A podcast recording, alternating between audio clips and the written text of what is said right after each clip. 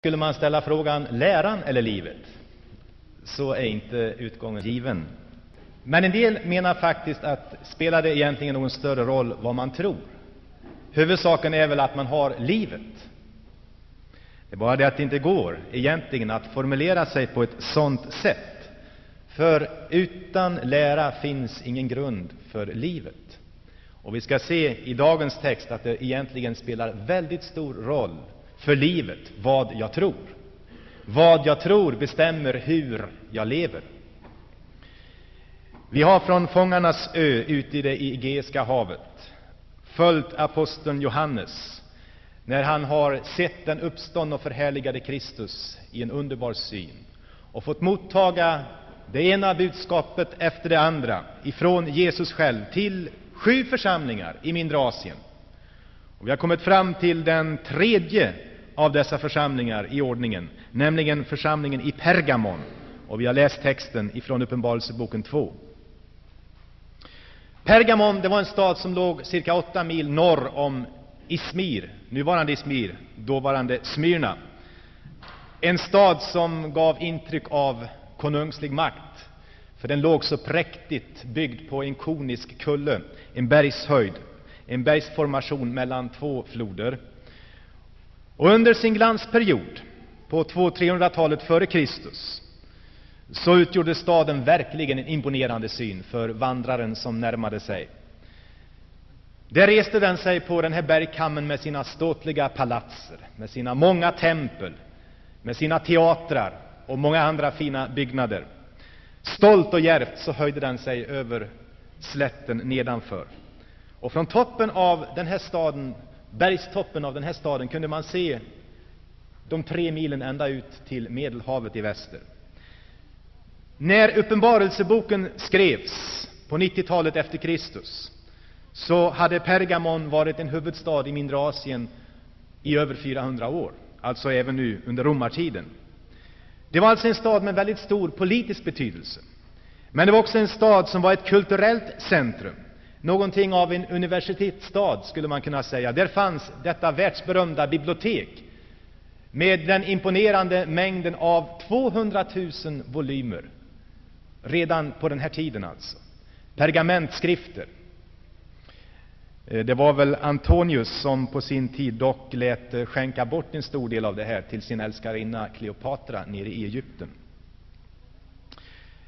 Men i Pergamon var framför allt ett religiöst centrum.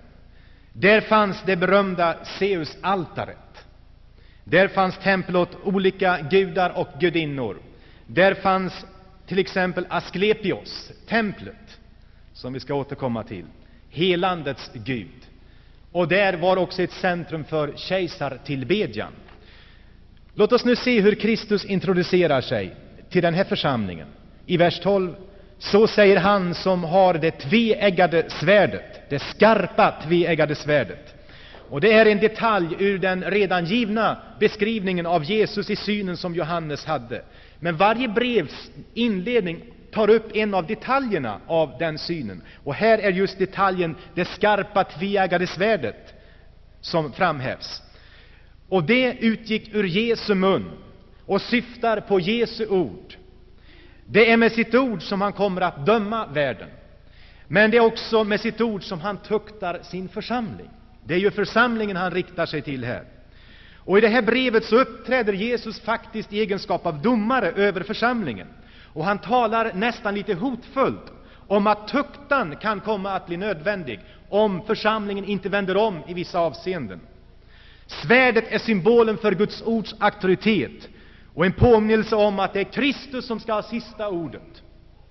Det var en väldig tröst egentligen för församlingen i Pergamon, för de levde under trycket av hårda förföljelser.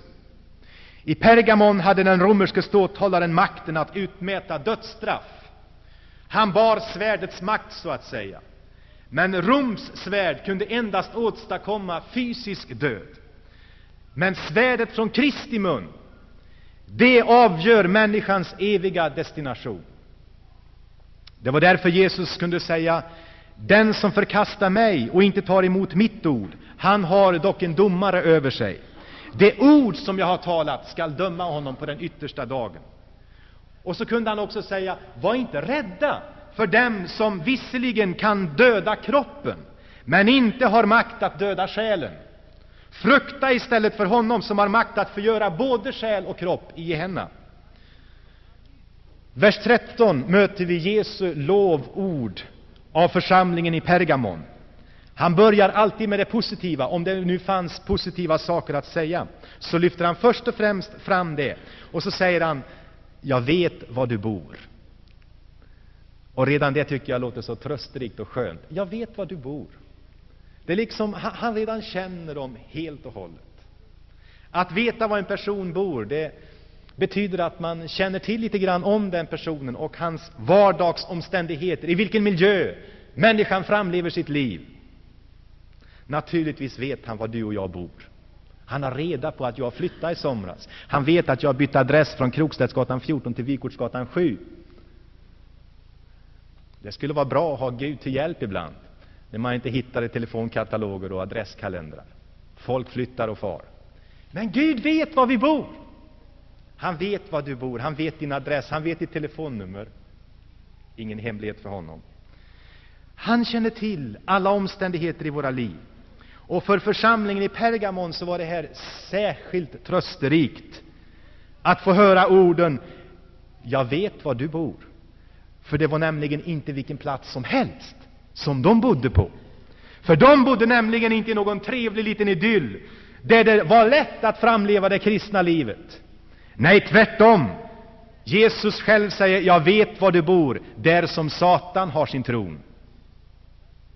Ett uttryck som verkligen anger att i Pergamon, enligt Jesus Kristus själv, fanns ett centrum för Satans maktutövande.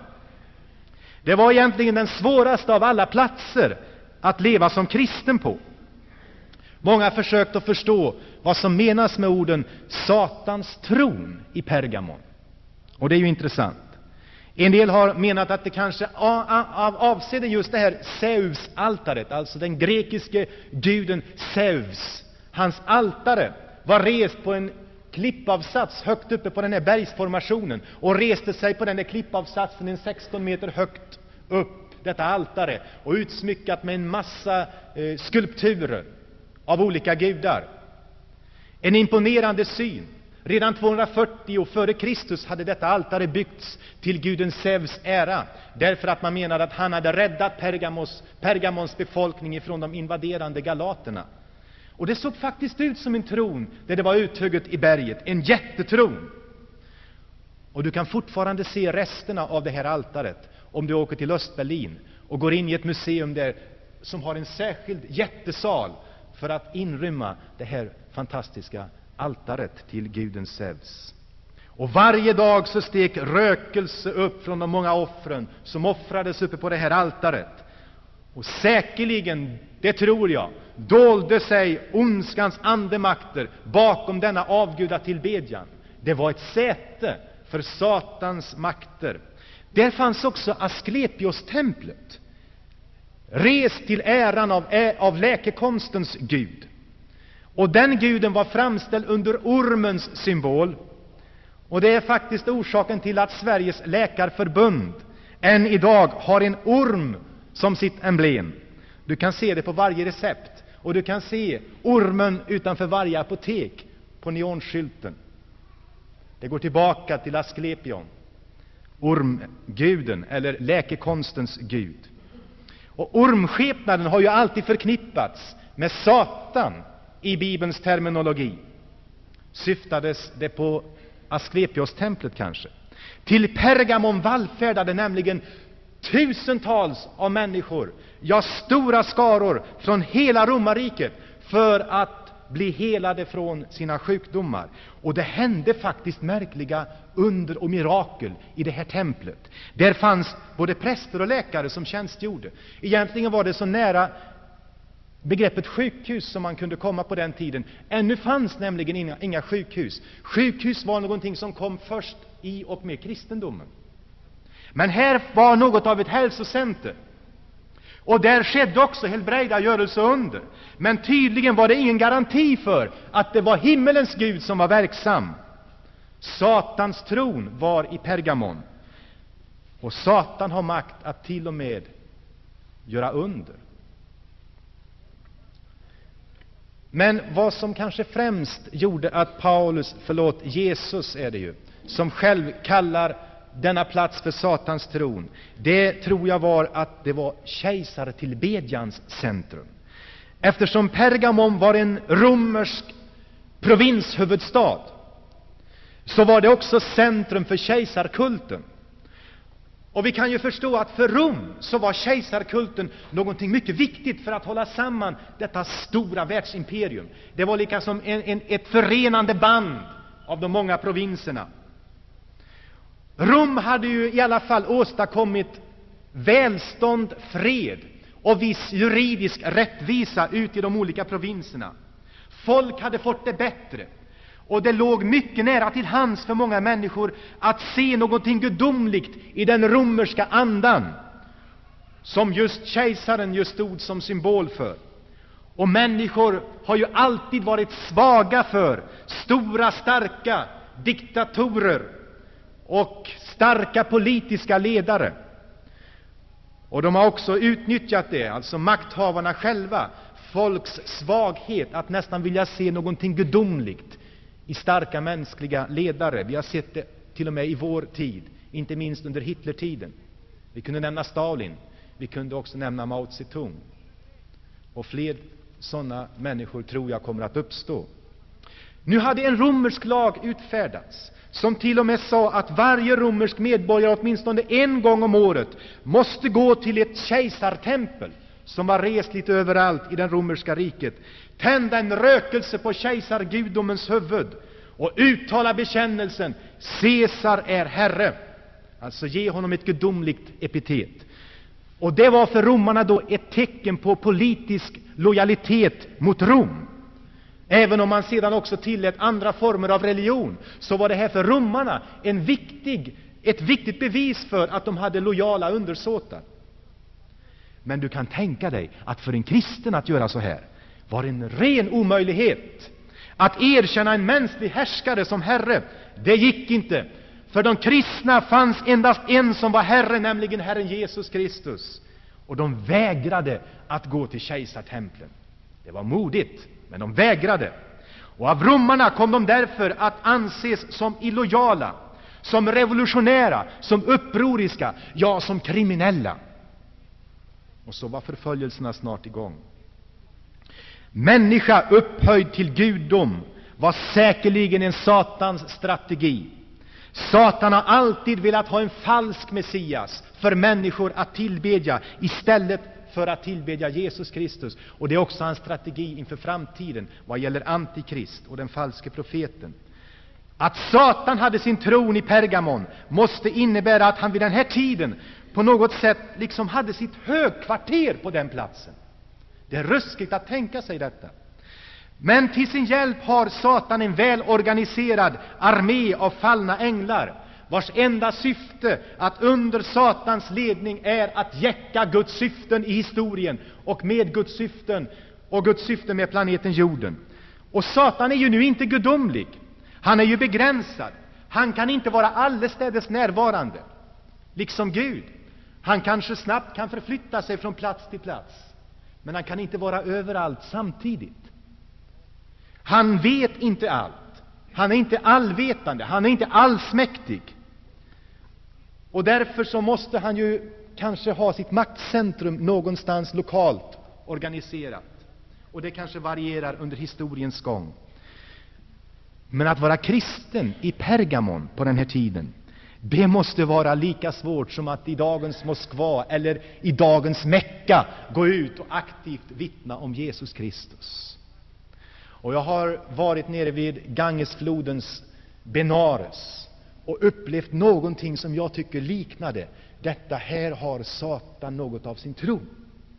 I detta spöklika myller av tempel, där röster av präster ständigt stiger upp och där man utgjuter sina drickoffer på de ovala stenarna till guden Shivas ära och där man kastar askan av brända lik i floden och blommorna och där man badar sig i dess vatten och tillbeder floden. Det är en nästan spöklik stämning, åtminstone för en kristen. Jag vet inte. Men vi vet att samme Satan som var verksam i Pergamon också är verksam idag. Var han har sin tron idag vet jag inte. Men han är verksam också i Göteborg. Men till och med där Satan har sin tron har Kristi församling upprättats. Det tycker jag är fantastiskt. Likasom mitt framför näsan på andevärldens första fanns en levande kristen församling i Pergamon. Mitt i de här omöjliga och svåra omständigheterna var det alltså fullt möjligt för en kristen församling att existera. Och varhelst det finns en kristen församling i historien så sker egentligen en proklamation av Kristi seger och Satans nederlag. Församlingen i historien är för Satan en ständig påminnelse om att Kristus har segrat och han har förlorat. Det är en påminnelse för Satan om att vapnen är ryckta ur hans händer. De vapen med vilka han höll människor fångna. Syndens makt är bruten, dödens makt är bruten. Och här finns nu ett släkte som förstår att lovsjunga himmelens konung istället för mörkrets furste. Församlingen i Göteborg är också en maktdemonstration inför Satan och de fallna änglarna.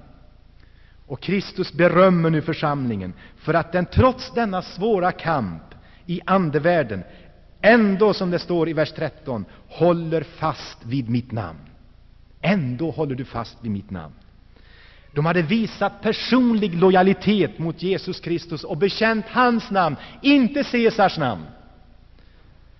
Och så står det också, du har inte förnekat din tro på mig. Du har inte gjort avfall eller avkall på den kristna bekännelsen om vem Jesus Kristus är. De hade bevarat läran om vem Jesus är ren ibland sig. De hade inte fingrat på den eller kompromissat med den. Lära och liv gick i hand för församlingen i Pergamon. Deras liv i fasthet bevisade vad de trodde om Jesus.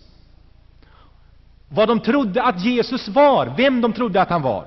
Att han var den första och den siste, att han var sann Gud, att han var för mer än Caesar, att han var värd deras främsta lojalitet. Deras tro hade med deras liv att göra.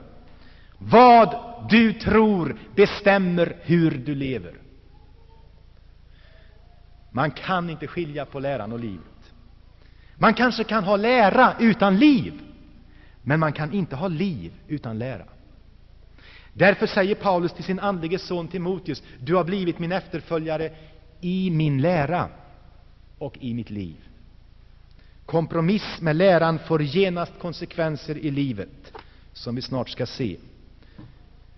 Inte, en, när, inte ens när Antipas, troligen en av ledarna i församlingen i Pergamon, inte ens när han hade dödats och lidit martyrdöden, så hade församlingen förnekat Jesu namn eller vacklat i sin tro.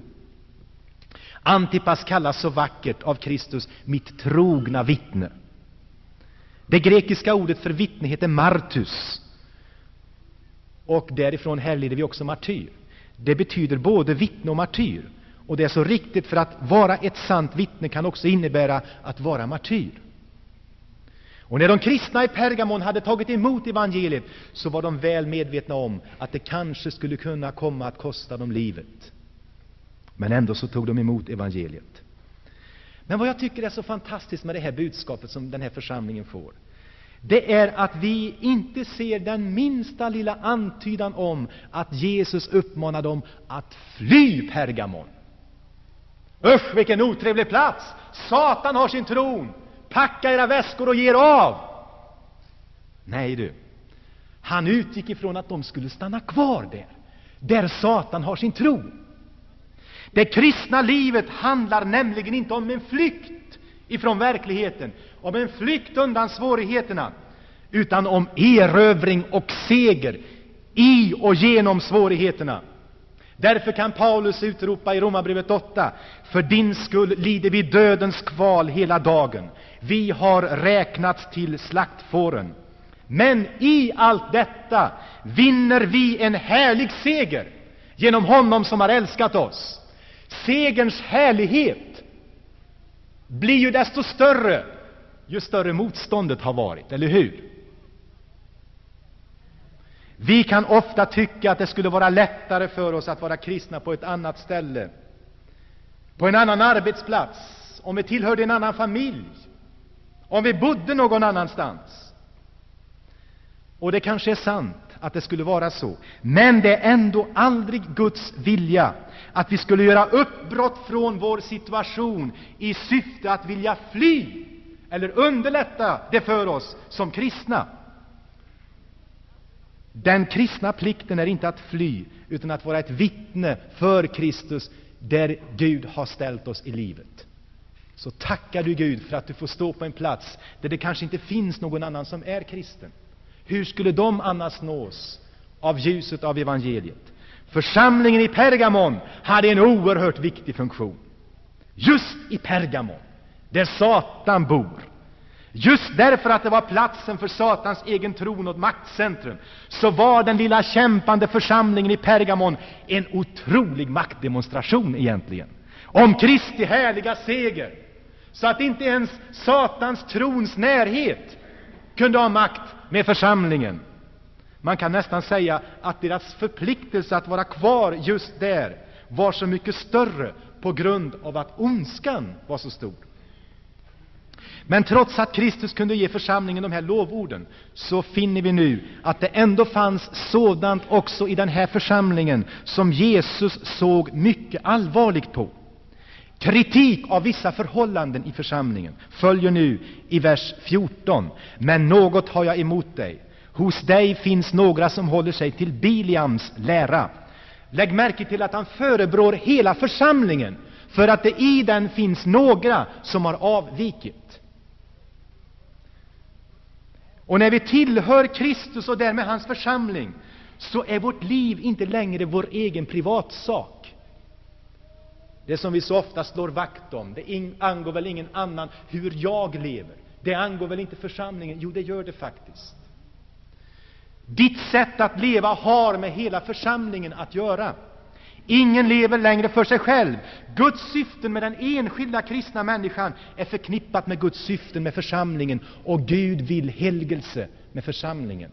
Du kan inte smita ut någon väg där. Du är en lem i kroppen, insatt av den helige Ande.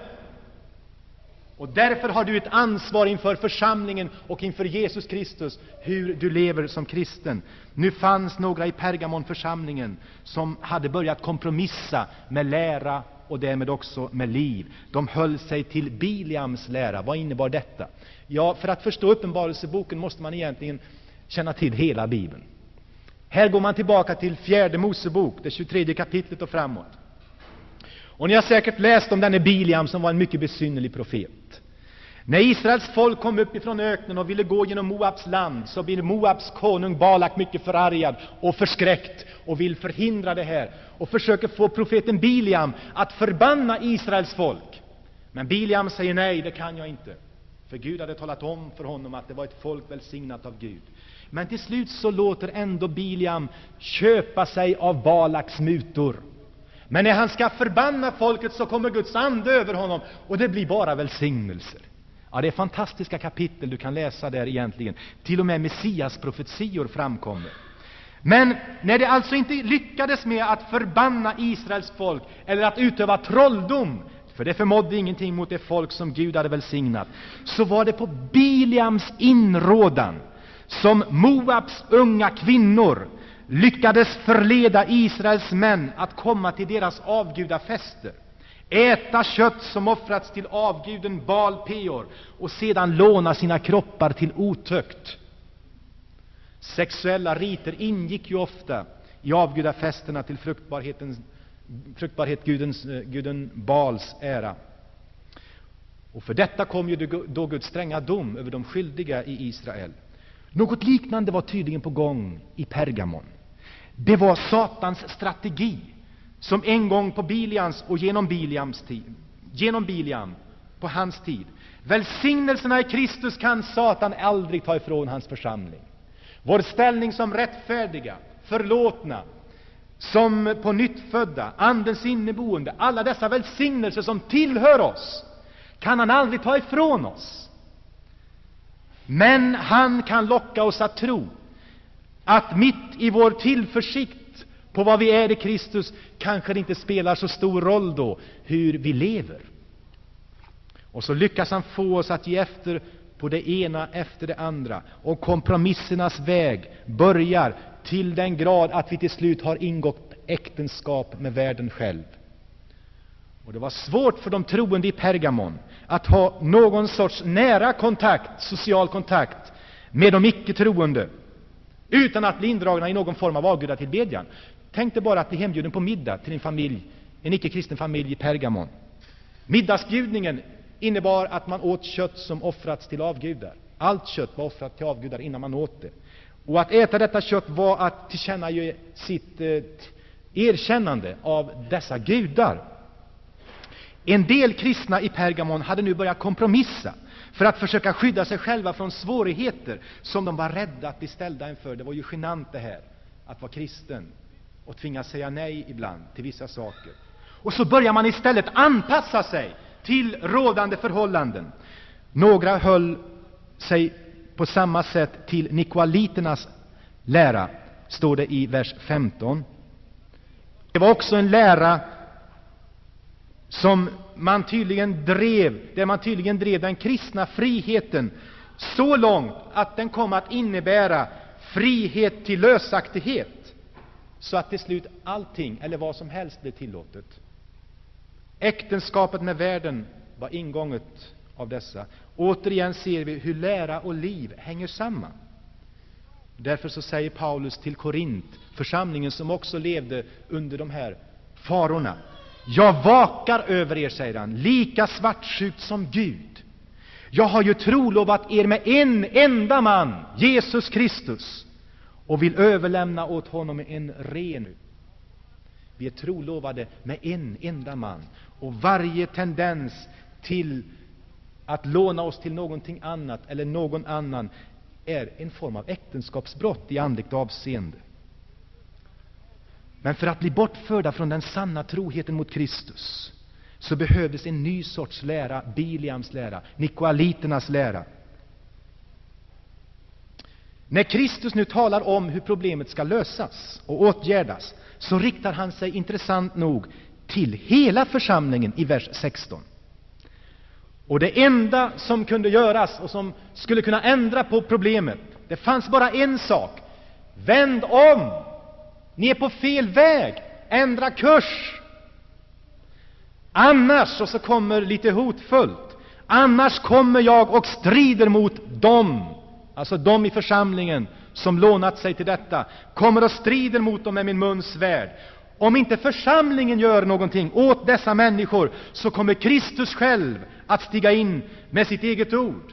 Med sin muns svärd kommer han att uppenbara deras hjärtans hemligheter och tankar och låta dem se sanningen om sig själva i syfte att omskaka dem och få dem att söka sig tillbaka till centrum av livet i Kristus.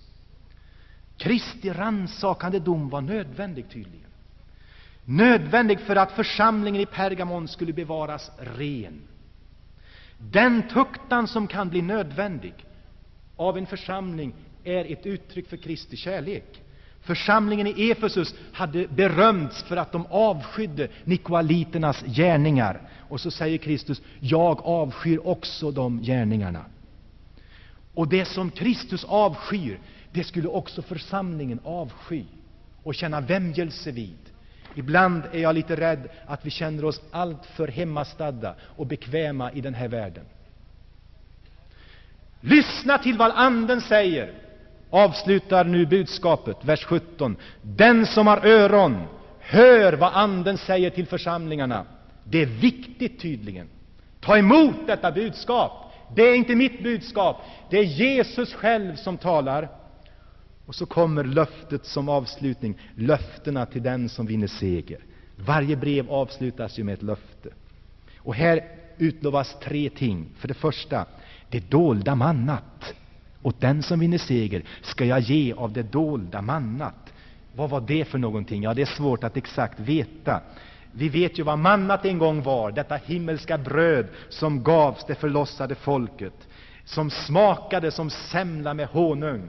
Jättegott! Istället för Egyptens lökar och köttgrytor ger Gud sitt folk ett nytt sorts bröd, som tidigare var okänt för dem. Och där har du något av parallellen. va?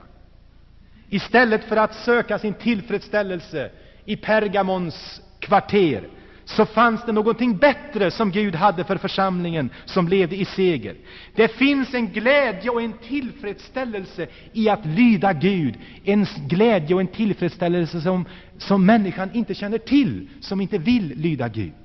Många tror att vara kristen är att ha en massa budord hopade på sin rygg som man nästan dignar. Det är ett tråkigt liv. Men Jesus sa, jag har mat att äta som inte ni känner till. Och så förklarar han, min mat, det vill säga min glädje och min tillfredsställelse, det är att göra hans vilja, som har sänt mig att fullborda hans verk. Är det din vilja? Är det din glädje, din tillfredsställelse, din mat att göra Guds vilja? Den som går in i lydnad på Kristi väg ska finna att hans liv blir fullt av glädje och tillfredsställelse. Salig är den som tar i akt dina vittnesbörd, utropar psalmisten. Dina vittnesbörd är min lust. De är mig kära, dina stadgar är lovsånger för mig. Titta vilken positiv attityd han hade inför lydnaden mot Gud. Det dolda mannat står troligen för den här tillfredsställelsen och som det kommande, riket välsign, kommande rikets välsignelse skulle innebära. Det andra som församlingen utlovas en vit sten ska jag ge dig. Ja, det blir allt mera konstigt här. En vit sten. Ja, vi vet inte heller riktigt vad det betyder. Vi har bara genom utgrävningar av bland annat Pergamon träffat på mystiska vita stenar. Och vi vet att man på den tiden gav segraren i en idrottstävling en vit sten som ett tecken på seger. Och det var ju ett fint kännetecken då. Kanske samma sak antyds här. Det var segertecknet. Och det också stod för vissa förmåner som segraren fick. En vit sten var också ett tecken på vänskap. En vit sten och andra stenar också användes också som amuletter. Man ristade in Gudens namn och så användes denna amulett för att ge kraft och beskydd ifrån guden i fråga, också som inträdesbiljett så att säga till avgudafesterna till guden i fråga. Om det är ett analogt förhållande så skulle den vita stenen här betyda Kristi egen försäkran om att vi skall ha inträde till den himmelska festen. Men jag tror det här fjärde alternativet är det som jag helst skulle, skulle tänka mig. För vi vet att också på den här tiden, så vid rättegångar, när juryn skulle fälla sitt utslag, så kom jurymedlemmarna och åt den åtalade räckte fram antingen en vit eller en svart sten. Den svarta stenen stod för skyldig, dömd skyldig. Den vita stenen stod för frikännande. Och det tycker jag är så tjusigt. Tänk om detta är en bild på att den som vinner seger skall slutligen bli frikänd och erkänd av Jesus Kristus själv. Det finns ingen fördömelse för den som är i Jesus Kristus. Förkastade av människorna i Pergamon, erkänd av himmelens konung. På stenen till sist skulle stå ett nytt namn som ingen annan känner utom den som får det. Mystiken tätnar. va? Namn i biblisk bemärkelse representerar ju hela personen i fråga. Och när någon person i Bibeln gavs ett nytt namn så var det ofta för att markera en ny begynnelse i livet, ett förändrat förhållande, en ny status av något slag. Abraham skulle heta Abraham nu, för han skulle bli en fader till många folk. Jakob, Israel, Simon, Petrus, Saul, Paulus, för nu skulle han vara apostel, och så vidare. Och Herren talar profetiskt om Israel följande. Och folken ska se din rätt och alla konungar din härlighet en gång, och du ska få ett nytt namn som Herrens mun ska bestämma. Den som segrar ska få ett nytt namn inristat på den här stenen. Ett hemligt namn. Det är ju konstigt. Men det betyder att Gud ska ge segraren en ny karaktär, en ny person. En förvandling skall äga rum. Den segrande människan har en hemlighet mellan sig själv och Gud. Jag tycker det är så fantastiskt. Att det ska vara ett, något, något slags privat, förtroligt, bestående förhållande mellan den segrande kristna människan och Gud själv. Tänk när vi ska bli fullt medvetna om det här en gång. Att vi har en hemlighet, jag har en hemlighet med Gud som bara han och jag känner till. Och likaså dig. Vilket förtroligt förhållande som vi inbjuds till. Ja, då passar ett nytt namn. Vi ska glädja oss, tror jag, den dagen åt det här nya namnet på den vita stenen. Har det här brevet någonting att säga, Saronförsamlingen? Jag tror att det redan har talat. Och kanske till individer i kyrkan här idag. Vår plikt är inte att fly. Vår plikt är att stanna kvar, kämpa och segra. För det ska vi göra. Vi är kallade att vara mitt i en värld som är i den ondes våld, men samtidigt vara heliga i den världen. Heliga. Det finns två diken. En del isolerar sig så till den grad att de förlorar alla möjligheter att inför sin omgivning ge någon form av vittnesbörd om vem Jesus Kristus är. Vi är inte kallade att isolera oss eller förakta världen, utan att vilja dess frälsning. Det andra diket som man gick ner i i Pergamon några stycken, lika illa. Man försökte bli så lik världen att man förlorade sin kristna egenart. Och istället för att vara heliga så anpassade man sig till sin samtid och vittnesbördet gick förlorat. Var finns du idag? Har du ett levande vittnesbörd där Gud har ställt dig? Du kanske tycker det är Satans tron som du lever vid fötterna utav. Då har du goda föredömen. Församlingen i Pergamon stod fasta Jesu namn och förnekade inte hans namn, trots de svårigheter de befann sig i. Låt oss söka den sunda, rätta balansen här, att leva i världen, men inte av världen. Amen. Herre, just nu så vill jag bedja för den som har träffats av det här budskapet. Vi vet att ditt ord är till för att rätta till saker och ting i våra liv. Förändra attityder. Herre, om din förlåtelse behöver komma någon till del just nu, så ber vi att det ska ske, Herre. Vi ber om stillhet just nu, Herre. Att människor i det här rummet känner att eh, de vill göra upp med dig, därför att det nog har brustit i deras vittnesbörd. Eh, en del har kompromissat och känner besvikelse över sig själva, Herre, att de förlorat så mycket mark när det gäller det kristna vittnesbördet. Förbarma dig över oss den här stunden, Herre. Vi behöver alla upprättas till att vara dig trogna. Herre, vi tackar dig för församlingen i Pergamon, för det uppmuntrande exempel som de utgjorde.